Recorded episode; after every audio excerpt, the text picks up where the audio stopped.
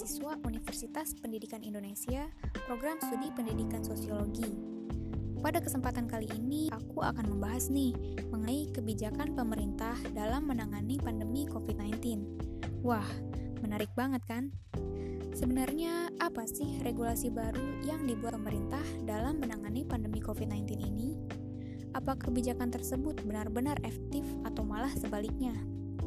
Apakah kebijakan tersebut menuai pro kontra di masyarakat? Apa solusi terbaik yang dapat dilakukan pemerintah juga masyarakat dalam menangani pandemi COVID-19 ini? Nah, untuk itu, pantengin terus ya podcast ini sampai akhir.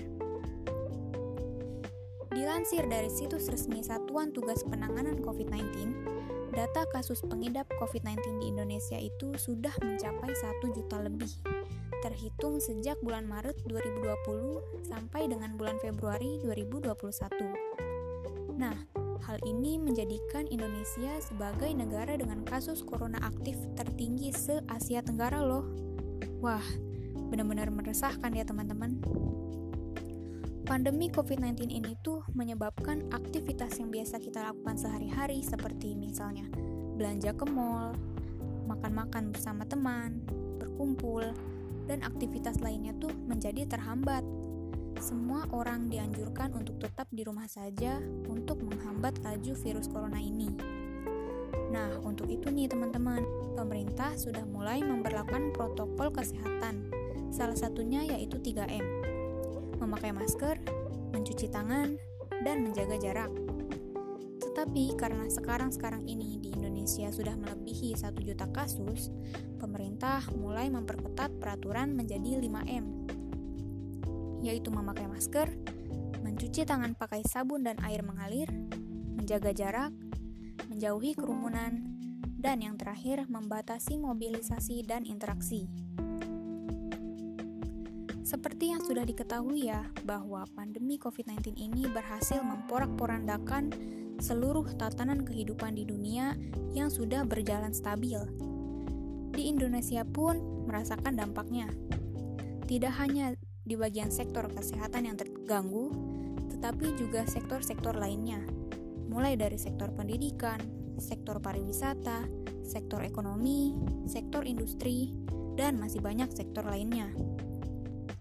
Maka dari itu, pemerintah mengeluarkan berbagai upaya dan kebijakan baru agar tatanan kehidupan di berbagai sektor dapat terus berjalan. Misalnya, Presiden Jokowi menetapkan peraturan tentang pembatasan sosial berskala besar melalui peraturan pemerintah nomor 21 tahun 2020 tentang pembatasan sosial berskala besar atau PSBB. Selain itu nih, di dalam sektor pendidikan dibuatlah surat edaran Kementerian Pendidikan dan Kebudayaan atau Kemdikbud Direktorat Pendidikan Tinggi Nomor 1 Tahun 2020 mengenai pencegahan penyebaran COVID-19 di dunia pendidikan. Dalam surat tersebut, Kemendikbud menginstruksikan untuk menyelenggarakan pembelajaran jarak jauh yang dilakukan di dalam rumah masing-masing dengan memanfaatkan fasilitas internet dan juga gadget yang biasa dikenal sebagai study from home.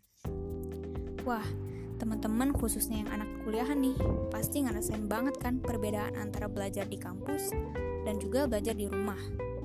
Aku sendiri sih sebenarnya kepengen banget ya belajar di kampus gitu, ngerasain euforia jadi mahasiswa. Tapi sayang ya belum bisa karena keadaannya emang lagi kayak gini.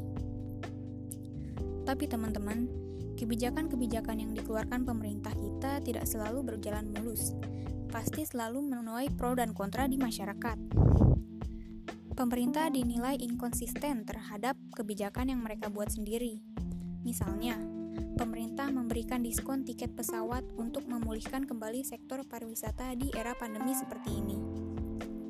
Hal ini tentu saja membuat publik geram akan ketidakkonsistennya pemerintah dalam menangani permasalahan di masa pandemi ini pemerintah dinilai hanya memprioritaskan masalah ekonomi ketimbang dengan masalah kesehatan. Belum lagi permasalahan korupsi dana bantuan sosial oleh Menteri Sosial Republik Indonesia nonaktif, Juliari Peter Batubara, yang diduga menerima uang sebanyak 17 miliar dari dua paket pelaksanaan bansos berupa sembako untuk penanganan COVID-19 di wilayah Jabodetabek. Wah, ini makin membuat publik kecewa sih ya sama pemerintah. Untuk itu, agar Indonesia dapat mengatasi pandemi COVID-19 ini dengan lancar, diperlukan kerjasama yang baik nih antara masyarakat juga pemerintah agar terjalin hubungan timbal balik yang saling menguntungkan satu sama lain.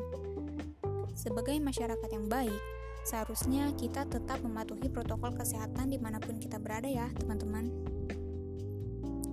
Podcast ini dibuat untuk memenuhi salah satu tugas ospek jurusan Pendidikan Sosiologi 2020 Universitas Pendidikan Indonesia.